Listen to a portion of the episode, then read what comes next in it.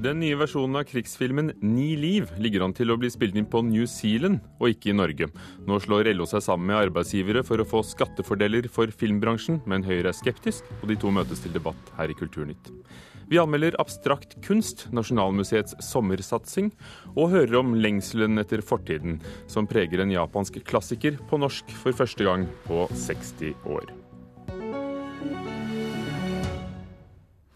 Regissør Harald Svart planlegger å spille inn Hollywood-versjonen av den norske filmklassikeren Ni liv på New Zealand i stedet for i Norge.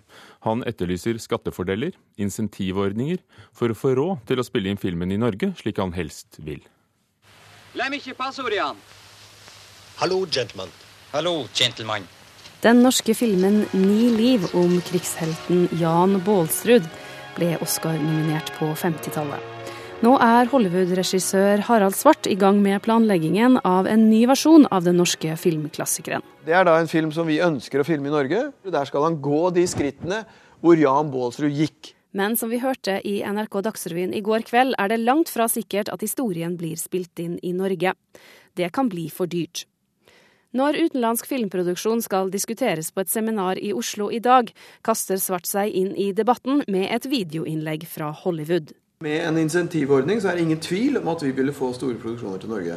En insentivordning betyr at utenlandske filmregissører får igjen en prosentandel av de pengene de bruker i det landet de produserer filmen i. New Zealand kan derfor være et bedre alternativ for Hollywood-regissøren. Det er veldig vanskelig når du sitter med investorer å lage et argument som sier ja, men det er mye riktigere om han går der hvor han gikk. Så sier de men det fjellet ser jo nesten likt ut på New Zealand, og det koster en tredjedel så mye, da har ikke jeg lenger noe argument. Sa regissør Harald Svart, og reporter var Eirin Venås eh, Sivertsen. René Rasmussen, LO-sekretær med ansvar for kultur. I dag arrangerer dere sammen med organisasjonene Virke og Norsk Industri et seminar om en planlagt filminsentivordning, slik dere gjerne ser at den skal planlegges. Hvorfor ønsker dere skattefordeler for denne bransjen? Skattefordeler eller insentivordning for denne bransjen er eh, veldig viktig. Først og fremst fordi det er næringpolitikk. Det bygger ut eh, og holder kanskje arbeidsplasser både i distriktene eh, og støttenæringene rundt selve filmproduksjonen i ånde. Altså skaper arbeidsplasser.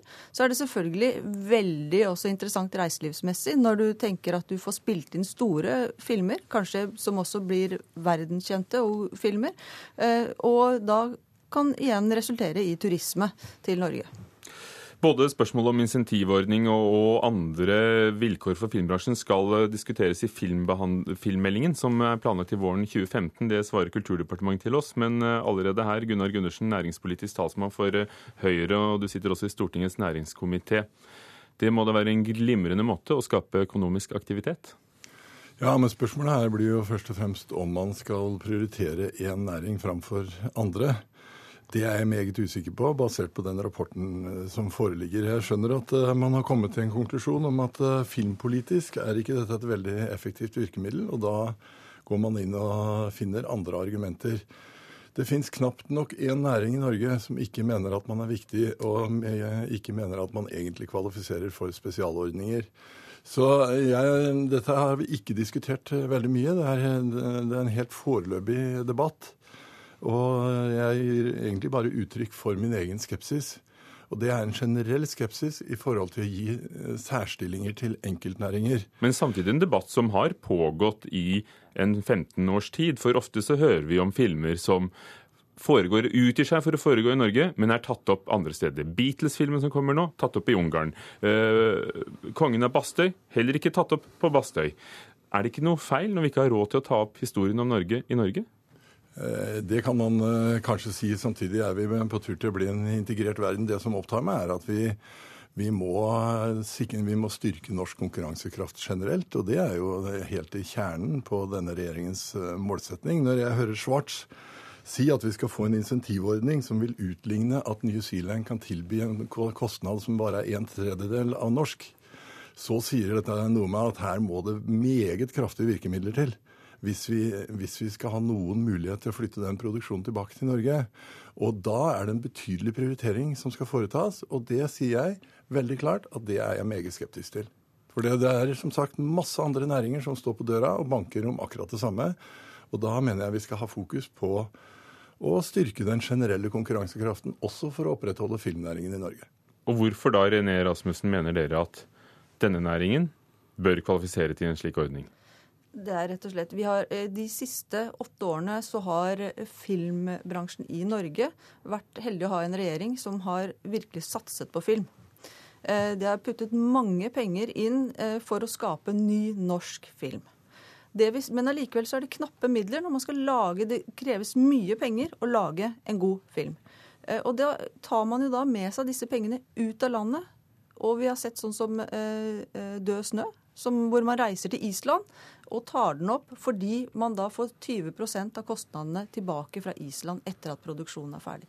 Dette har Island eh, eh, kjempenytte. Deres film, eh, altså Filmbransjen har vokst. De ansatte i filmbransjen har vokst fra 300 til eh, jeg tror det har overdobla seg. Eh, og, og, også hotellene, catering, restauranter, alle støttefunksjoner rundt det å lage en film, de tjener penger. Island... Men det vil vel koste penger for å underby de andre aktørene som New Zealand eller Island? De, hva tenker du på i forhold til å underby? Eh, at, eller i hvert fall kunne tilby de samme vilkårene økonomisk. I Norge? Ja. Nei, men jeg tenker at hvis man ønsker å spille inn en film i Norge, og det kommer ned på et nivå som kanskje ikke er like billig som Island, men litt grann dyre, så vil man kanskje velge å spille inn i Norge istedenfor å reise til Island. Men underby er jo et riktig ord. Altså Det er 40 land. I henhold til den Oslo Economics-rapporten som Kulturdepartementet har fått uh, utarbeidet, så er det 40 land som har insentivordninger allerede.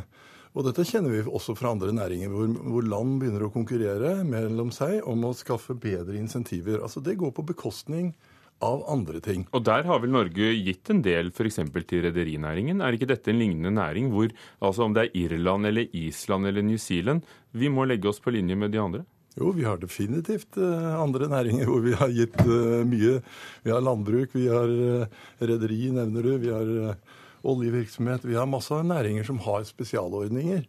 Så, men vi kan ikke diskutere spesialordninger for alle næringer uten da også samtidig å diskutere hvilke næringer er det som faktisk da ikke skal prioriteres. Det, for det ligger implisitt i hver gang du velger å prioritere én næring, så velger du å, å, prioritere andre næringer Men litt lavere. Men Vil det koste noe, all den stund det kan bringe økonomisk aktivitet som ellers ikke hadde funnet sted ja, i Norge? Det, det, hører vi også fra samtlige næringer i Norge. At man skaper, svaret, man, skaper, man skaper ringvirkninger, og selvfølgelig vil det koste noe. Altså Gir man skatteinsentiver, så koster det noe.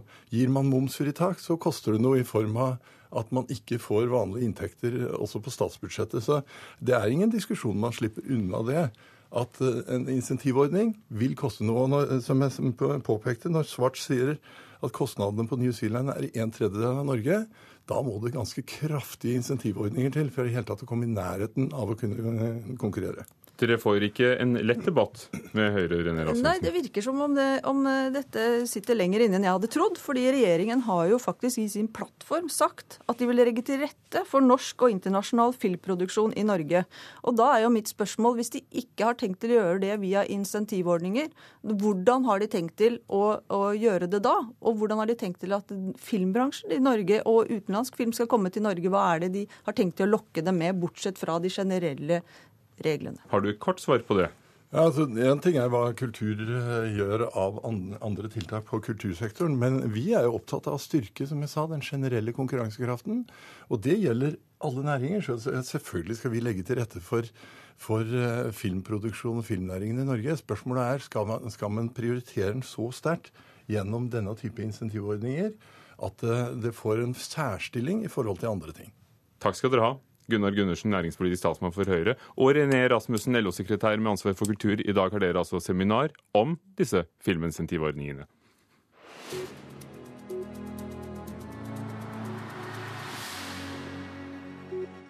En rekke tromsøværinger som på ulike vis tjente på holocaust under andre verdenskrig, navngis i en ny bok. Forfatter Henrik Broberg har skrevet boken 'Da byen ble stille', om skjebnen til familien til de 17 jødene fra Tromsø som ble drept under verdenskrigen.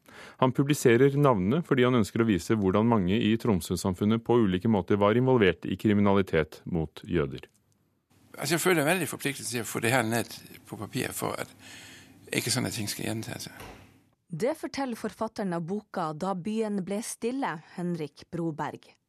Flere nye bøker om Lensvik-oppgjøret har fått kritikk for å navngi personer med tilknytning til nazismen. Broberg oppgir navn på personer som på forskjellige måter tjente på jødeutryddelsen. Fra de som vaska boligene etter at jødene ble deportert fra Tromsø, til de som kjøpte familien sine eiendeler. Det er ikke alle de ting som har skjedd som var direkte krigsforbrytelser eller forbrytelser, men det er et element i det på en måte den glidende overgang fra et normalt sivilisert samfunn til plutselig at et samfunnsapparat peker ut. Det kunne være rødhårede eller, folk med annen hudfarge. Nå var det jødene denne gangen. ikke sant? Og så øh, den, den, øh, den, måten at det foregår på ting, det det er en lærdom som er, er, kjempeviktig for å forstå det her, og at det ikke skal skje igjen. Ingen av de pårørende NRK har vært i kontakt med, ønsker å kommentere innholdet. Broberg sjøl tror ikke at boka vil ramme etterkommerne på noe vis. Det, det, er ikke lenger en sånn stemning eller holdning at det går ut over uskyldige som er i slekt med tilfeldigvis. Ingen av etterkommerne NRK har vært i kontakt med, ønsker derimot å kommentere saken. Reporter var Marit Garfjell. Et av de tre bildene kunstner Vanessa Baird laget til Helsedepartementets nybygg i Oslo, skal brukes som bakteppe i Nationaltheatrets nye oppsetning av Per Gynt, skriver Aftenposten i dag. Departementet mente kunstverket ga assosiasjoner til terrorangrepet i 2011, og det tredje bildet ble derfor ikke hengt opp der det var planlagt. Denne uken får publikum også se Bairds tredje bilde for første gang, når det skal stilles ut fra og med onsdag på Kunstnernes hus i Oslo. Rom for abstraksjon heter eh, Nasjonalmuseets sommerutstilling i Nasjonalgalleriet, også det i Oslo. Og Mona Palle Bjerke, vår kunstkritiker, hva slags utstilling er Rom for abstraksjon? Jo, Det er en utstilling som fokuserer på norsk abstraksjons storhetstid. Altså, det er ikke den tiden på 50-tallet hvor man kjempet med nebb og klør for å i det hele tatt få lov til å male abstrakte eller lage abstrakte skulpturer, men på 60-tallet hvor abstraksjonen har fått et fotfeste på norsk kunstscene. Og det de vil, er jo å vise bredden og mangfoldet innenfor uh, den norske abstraksjonen. Uh, og så spiller den uh, høy, omdiskuterte høyblokken i regjeringskvartalet en viktig rolle. Ja, Her er det jo både masse maleri, skulptur, alt fra liksom Gunnar S. Gundersens harde, rene, enkle bilder til mer sanselige arbeider, til eh, veldig sånne ekspressive fargeeksplosjoner, der både Weidemann sitter og Irma Zalo Jæger har bilder. Men også så er det ett av temaene er abstraksjon og arkitektur, og der er høyblokka viktig. Og for der vil man vise da at uh, inne i høyblokka så er det jo en del arbeider som er virkelig sånne eksempler på den nye måten å skape helt integrert kunst. Det er en meget, meget nær dialog mellom det arkitektoniske og det kunstneriske. Og da viser de gjennom fotografier disse gjennomutsmykkede trappeløpene, eh, hvor bl.a. Karl Neshar da, og Inger Sitter er eh, kunstnere bak, da, som har stått i, i nær dialog med Viksjø. Og dette er jo ugjendrivelige argumenter for den gode avgjørelsen som nå er fattet med at dette bygget eh, skal vi bevare. Med arkitekten Erling Viksjø, og kanskje et stort argument for at eh, den andre ved siden av Y-blokken uh, burde vært bevart? Absolutt. For den som ser det slik? Absolutt. Uh, hva var det som gjorde, har du en forklaring på det, at det abstrakte fikk en så stor appell etter verdenskrigen? Altså, Den store, innflytelsesrike filosofen Adorno sier jo dette veldig kjente at etter Auschwitz så var det umulig å skrive poesi. Og det jo, ligger jo noe der at det lyriske, det forskjønnende, det fortellende eh, som knyttet seg til kunsten, det forsvant ut. Man vender seg vekk fra virkeligheten og viderefører jo denne virkelighetsflukten som vi ser allerede i mellomkrigstiden med surrealismen. Det blir det som man også har omtalt som en ny budløs forkynnelse, som passer veldig for etterkrigsmennesket. Snakker det til oss i dag? Ja, men på en helt annen måte. Og hva sier det?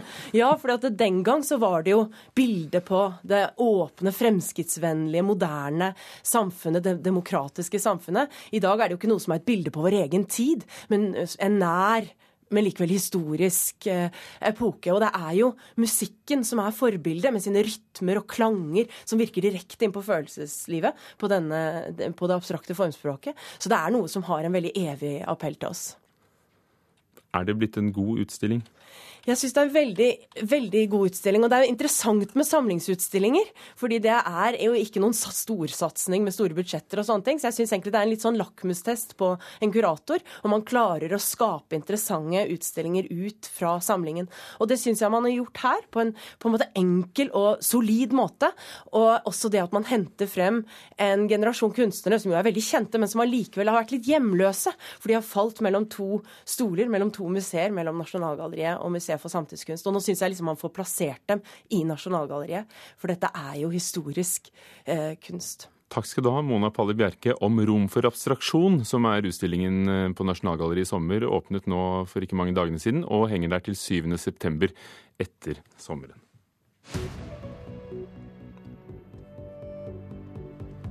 Klokken har passert 18 minutter over åtte, og du på Nyhetsmorgen i NRK. Overskriften i dag. Et 18-åring i Stavanger har fått en halv million kroner i erstatning fra kommunen etter å ha blitt mobbet og mishandlet på barneskolen. Hasj er ikke så ufarlig som mange tror, mener flere rusforskere. 29 drap er begått i hasjrus i løpet av en tiårsperiode. Og svært få melkebønder kommer til å bygge ut driften, slik landbruksministeren legger opp til, tror forsker. I går ble Norges mest kjente teaterpriser, Hedda-prisene, delt ut. Årets pris for beste mannlige skuespiller går til Vidar Magnussen! Jeg tøyset om at eh, nå kan jeg egentlig pensjonere meg, sa jeg til teatersjefen. Og det ligger nok en liten sannhet i det, for jeg, har vel ikke Det får jo andre dømme hvordan den er, men altså, jeg, jeg, eh, jeg har aldri hatt det så gøy på en scene. Prisen for beste kvinnelige skuespiller var det Mariann Hole som stakk av med for rollen som Lulu i Lulu Pandoras eske på Nationaltheatret. Det betyr veldig mye, fordi man har lagt mye arbeid i det. Det er eh, den største skuespilleroppgaven jeg har hatt som skuespiller, og det er veldig gøy å få pris for det. Og reporter var Julie Wenzel Frøland, og blant andre vinnere var Trøndelag Teaters Besøk av gammel dame, som vant tre Hedda-priser for beste kvinnelige medspiller, altså birolle, for beste regi, beste kostymer og scenografi. Årets forestilling ble Perpleks ved Rogaland Teater. Årets ærespris ble på sin side delt til skaperne av bl.a. dette stykket.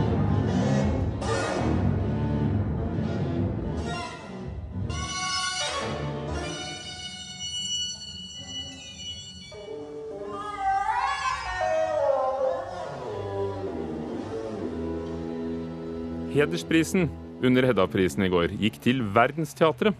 Gratulerer, Lisbeth Bodd og Asle Nilsen. Tusen takk. Tusen takk. Dere grunnla Verdensteatret i 1986. Dere kaller det en kunstgruppe. Dere er både kjent og anerkjent uh, i Norge, men ikke minst i utlandet. Uh, det kalles av fagfolk performance-teater. Men hva kaller dere det? Ja, altså Vi kaller det Verdensteatret. Uh, men vi arbeider jo med Lager ofte de siste årene installasjons-performance-konserter.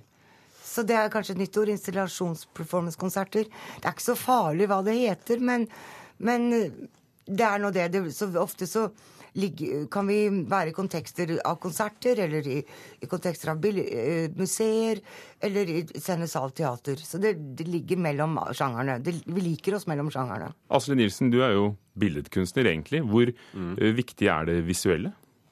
Det er en, en, stor del av det, men i den måten vi jobber på, så er alle de forskjellige mediene veldig integrert i hverandre. Så ja, vi som Altså det er ikke bare jeg som jobber med det visuelle, men vi som jobber med det visuelle, vi jobber også med lyd og med tekst og med alt. Det, det går helt inn i hverandre. Hva var det vi hørte fra, forresten? Ja, Det er jeg ikke sikker på. Det var uh... Question mark, ja. Ja, det var question mark. Ja, og den, den er mye penere.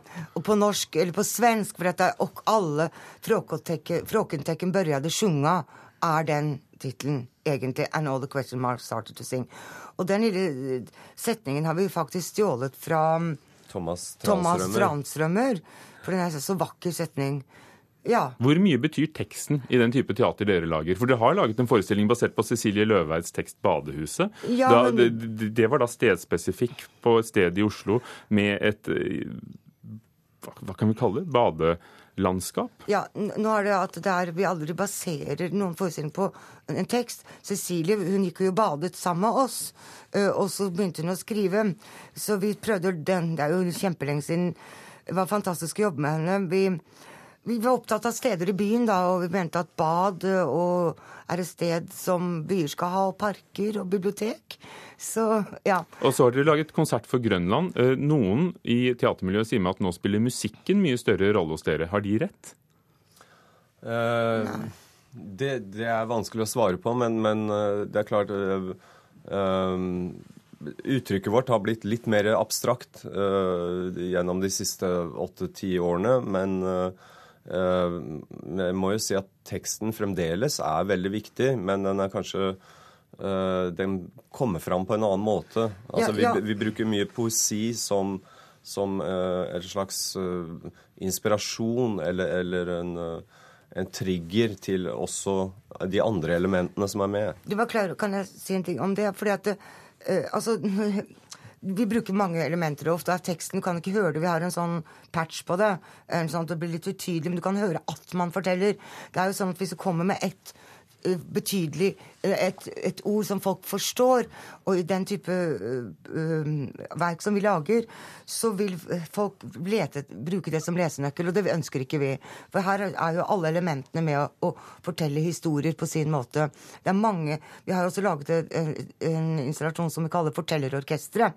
Og det kunne jo vi godt ha hett. Verdensteatret kunne godt ha hett Fortellerorkesteret. For vi, er, vi, jobber liksom som et orkester, med, og, og, hvor alle disse forskjellige mediene er, er um, instrumenter som forteller. Hvordan klarer dere å være eksperimentelle fortsatt? For dere har holdt på siden 1986, men dere er ikke blitt satt. Dere er fortsatt eksperimentelle. Det sier jo juryen også.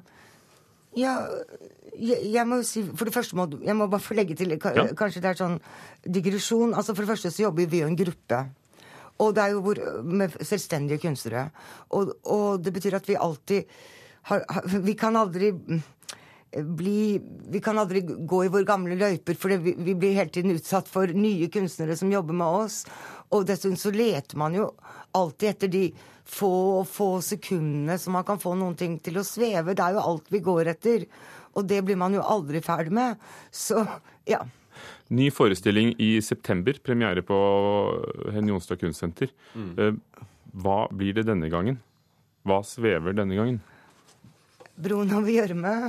Ja, øh, det vi kan Ja, hva kan vi si om det? Den er jo øh, fremdeles ikke ferdig. Vi holder på øh, enda.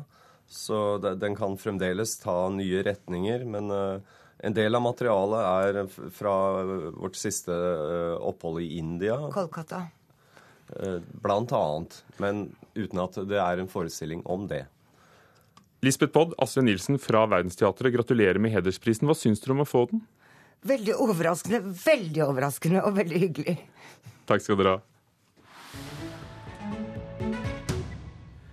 Rett etter krigen ga forfatteren Junichiro Tanisaki ut trebindsverket 'Søstrene Makioka', et verk som regnes som sentralt i moderne japansk litteratur.